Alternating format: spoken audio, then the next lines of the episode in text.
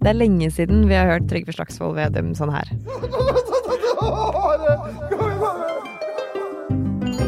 Og det er kanskje ikke så rart. For han er blitt finansminister og må håndtere flere kriser enn noen kunne sett for seg på forhånd. Og akkurat nå så sitter han og resten av regjeringa på et hotell ved Hønefoss for å lage Norges statsbudsjett for neste år. Men denne gangen så har de en historisk vanskelig oppgave med å få alt til å gå opp. Og det er kanskje Vedum som har mest å tape hvis det ikke går bra. Du hører på Forklart fra Aftenposten. Jeg heter Anne Lindholm, og i dag er det onsdag 16. mars.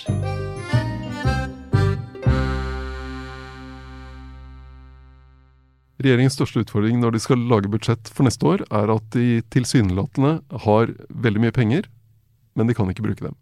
Kjetil Bragli Alstaheim, du er politisk redaktør her i Aftenposten. Og det er vel en del ting som gjør denne budsjettkonferansen til regjeringa ekstra spesiell i år? Ja, Det kommer jo opp i en veldig spesiell og dramatisk eh, situasjon med krigen i Ukraina, som gir stor usikkerhet eh, fremover. Eh, og så kommer det på toppen av to eh, andre kriser. som Den ene er pandemien, som vi på mange måter har lagt bak oss. men der det er litt rester av den i effekt økonomisk. Og så er det strømpriskrisen, de høye strømprisene gjennom høsten, vinteren og, og inn i våren. Og det her er jo det første budsjettet denne regjeringa skal lage sammen. Så hva er det som står på spill egentlig nå for statsminister Jonas Gahr Støre og finansminister Trygve Slagsvold Vedum? De skapte jo høye forventninger gjennom valgkampen og også i, i regjeringsplattformen fra Hurdal om alt de skulle få til for eh, vanlige folk i hele landet.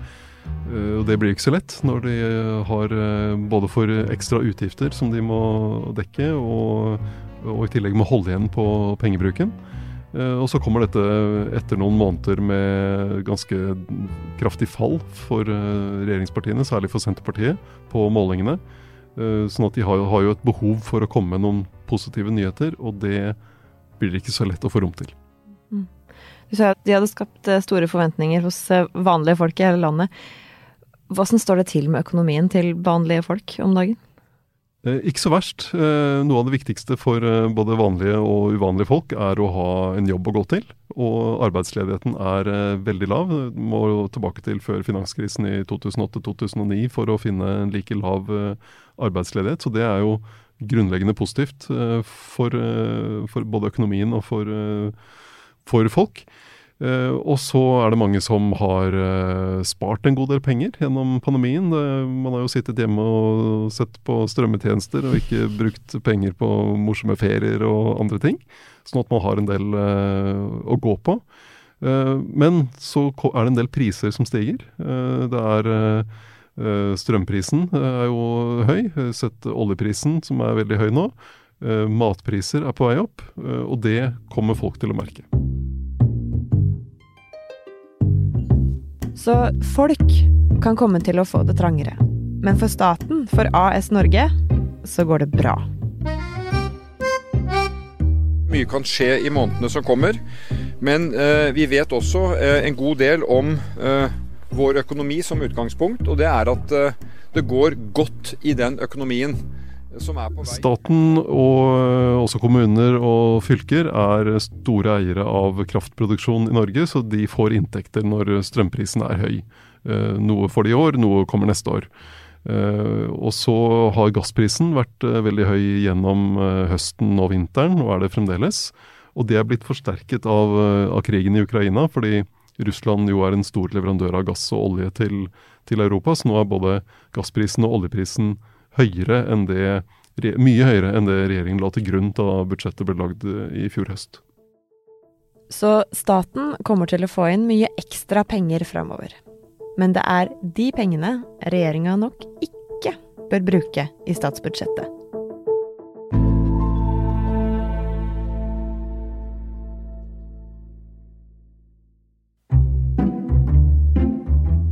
Da Norge stengte ned i mars 2020, var det mange som tapte masse penger. Eh, Norge blir satt på en stor prøve. Både som samfunn, men også vi som enkeltmennesker. Og omtrent samtidig så kom det flere ordninger på plass for at folk, og særlig bedrifter, skulle få erstatning for de pengene som gikk tapt. Det vi har sett i pandemien, var jo at staten stilte opp med kompensasjon til alle som trengte det. Alle som ble rammet på et eller annet vis av tiltak for å stanse smitte og den slags. Ja, De fikk penger. De fikk penger og støtte. Og det samme skjedde da strømkrisa kom i høst. I dag så kan regjeringen presentere et svar på den strømkrisen som mange folk i Norge nå opplever. Det vi så da vi fikk strømpriskrisen, var at uh, staten stilte opp igjen med en kompensasjonsordning for uh, vanlige husholdninger uh, i de områdene av landet der strømprisen er usedvanlig høy. og det ser jo nå folk på strømregningene sine, at du får et fratrekk fra der staten kommer inn og tar en del av regningen. Så man har på en måte skapt en forventning om at hvis det kommer noe ubehagelig, så skal staten komme der og kompensere. Staten er alltid klar til å pakke oss inn i bobleplast hvis noe blir vanskelig eller vondt. Og dette har gitt regjeringen en ganske stor pedagogisk utfordring nå. Ja, Åssen da? Folk ser at det kommer mye inntekter til oljefondet gjennom høye olje- og gasspriser. Uh, og så er det jo naturlig å tenke hvorfor kan ikke disse pengene bare brukes inn i økonomien når vi må betale så dyr bensinpris og sånt noe. Og så er det to problemer med det. Det ene er at uh, selv om staten får ekstra olje- og gassinntekter i oljefondet, så rammes oljefondet av at uh, aksjene faller uh, pga. børsuro i forbindelse med krigen. Sånn at hvordan denne totalen blir for uh, for Norges eh, sparegris, det vet vi ikke ennå. Og det andre er at eh, det er ikke så smart av staten å putte mye penger inn i økonomien nå. Og grunnen til det handler om at økonomien går best når folk bruker penger. Når vi får lønn, bruker den på å reise, på å kjøpe mat og på å gå på konsert. For da brukes de pengene videre av de som selger reiser, mat og konsertbilletter. Men da pandemien sørga for masse nedstengninger for to år sia, da var det mange rundt om i verden som var redde for at økonomien skulle stoppe opp, og at alle skulle slutte å bruke penger. Medisinen mot det er at sentralbankene setter ned renta. Det skjedde også i de fleste land da koronaen kom. Renta ble satt ned, for da blir det billigere å ta opp lån, og flere bruker penger. Ja, og når da økonomien begynner å gå bra igjen, og til og med gå veldig bra, som eh, den gjør nå, så skal renta opp. Sånn at ikke eh, den blir for eh, altså overopphetes. Og at du får problemer med mangel på arbeidskraft, og at prisene løper løpsk og sånt. For når flere kan betale for ting, så kan de som selger, skru prisene opp. Og når det er mer penger i samfunnet, så blir pengene mindre verdt. Så Norges Bank har varslet at, og allerede begynt med å skru renta gradvis oppover. Og Det som kommer til å skje hvis staten går inn og putter mer penger inn i økonomien, er at økonomien stimuleres enda mer. Folk får mer penger, bedrifter trenger enda flere ansatte, prisene går enda mer opp. Og det kan igjen føre til at Norges Bank skrur opp renta fortere og mer enn den ellers ville gjort. Og hva er problemet om renta blir høyere, da? Ja, det gjør jo at uh, hvis da staten uh, først sier uh, at regjeringen kommer og sier nå skal vi hjelpe dere med bensin, høye bensinpriser og strømregning og hva det nå måtte være, og høyere matpriser, så vi sender dere ut noe penger, vi sender noen penger ut til familiene. hvis det fører til at Norges Bank da skrur opp renta mer, så er det sånn jo, folk får penger fra staten, men de må få en høyere rente fra banken. Så det betyr at, uh, at, familier mye, må betale mye mer for lånet sitt. Uh, og det som også har skjedd de siste årene, er jo at nordmenn har fått mye mer gjeld. Så det vil svi mye mer i økonomien hvis renta blir høyere og stiger raskere enn den ellers ville gjort. Ja, så Hvis en familie får 20 000 fra staten for å ta, ta alle disse ekstra regningene med strøm, bensin, alt det som blir dyrere, og så samtidig så kan huslånet stige med det samme, så da går det i null. Ja, eller eh, kanskje til og med i minus. Ok, så regjeringa kan vanskelig bruke de ekstra pengene de får inn, samtidig som folk kan se ut som får det trangere da prisene går opp på det meste av det folk bruker til vanlig. Så det høres nesten ut som en umulig oppgave for, for regjeringa det her. Fins det noen løsning på det? Den er jo faktisk enda mer umulig enn det vi har snakket om til nå. Fordi eh, det som skjer samtidig eh, som alt dette andre, er at eh, eldrebølgen begynner virkelig å merkes. Altså at det blir flere gamle mennesker i dette landet. Det får konsekvenser i kommunene, som skal levere omsorgstjenester, sykehjem, og det får konsekvenser for helsevesenet. Og det får konsekvenser for inntektene til staten, for det blir flere som er pensjonister en høyere andel som er pensjonister, og en lavere andel som er i yrkeslivet. Sånn at eh, det, det, begynner nå virkelig å merke Vi har snakket om den eldrebølgen i flere år, men nå begynner den virkelig å merkes i budsjettene. Så det, det, er, en, det er, utgifter som, eh, som måte, man ikke kommer utenom. Eh, og, da, og så kommer da i tillegg en ukjent kostnad på det at vi skal hjelpe Ukraina. Både med å ta imot flyktninger og på andre vis. Og det til sammen gjør at det blir veldig Det krever at regjeringen er veldig nøye på å prioritere hardt. Og det, Noe av det de har sagt nå, er at uh, vi må bruke mer på forsvar og beredskap og trygghet. Ok, det er, tror jeg det vil være bred enighet om. Men hva skal de da bruke mindre på? Hva skal de utsette av valgløftene? Det er ikke så lett å snakke høyt om. Derfor, som du sa, de trenger jo en seier. Både på, på, meningsmålingene og eh, etter den første året i regjering, som det jo blir. Men hvis vi skulle klare den balansegangen, da, få til et godt budsjett, skaffe seg en seier, hva er det viktigste de må få til for å gjøre det? Hvis vi hører på hvordan de snakker nå, eh, så legger de veldig eh, stor vekt på at det skal være trygg økonomisk styring.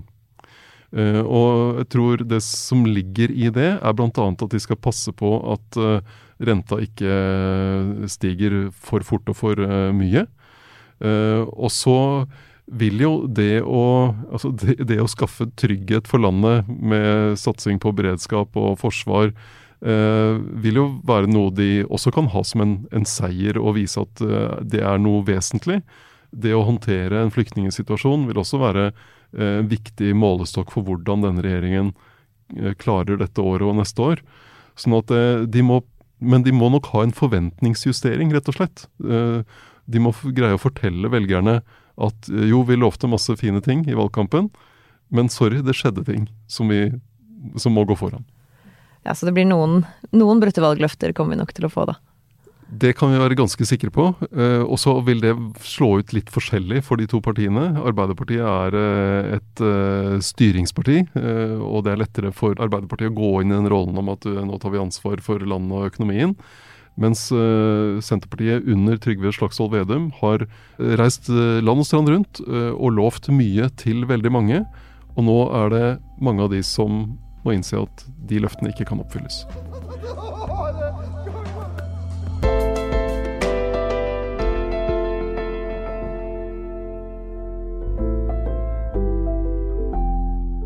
Du hørte Kjetil Bragli Alstaheim snakke om regjeringas budsjettkonferanse og dilemmaet de står i. Det er Fride Nesten Onsdag og jeg, Anne Lindholm, som har lagd episoden. Resten av Forklart er Anders Weberg, David Vekoni, Marte Spurkland, Synne Søhol og Jenny Førland. Du hørte lyd fra VGTV og fra regjeringa sine nettsider. Hvis du vil vite litt mer om regjeringa sin budsjettkonferanse, eller kanskje om hva som skjer i krigen i Ukraina, så kan du lese både nyhetssaker og grundige analyser om hvorfor det som skjer, skjer, på aftenposten.no. Fortalt, en ny podkast fra Aftenposten. Jeg kom jo da inn på det avhørsrommet eh, der hvor det da sitter en mann. Yes. Ja. Da var det oss. Det første han sa, det var Hva er det som har skjedd? Hva er det som har skjedd? For noen år siden måtte Jenny fortelle politiet om en hemmelighet hun hadde båret på siden hun var liten jente. Det begynte med at hun skrev et brev selv om det snudde opp ned på hele familiehistorien. Hør historier som overrasker hver uke i Fortalt, Aftenpostens nye podkast. Hos Podmy eller i Aftenposten-appen.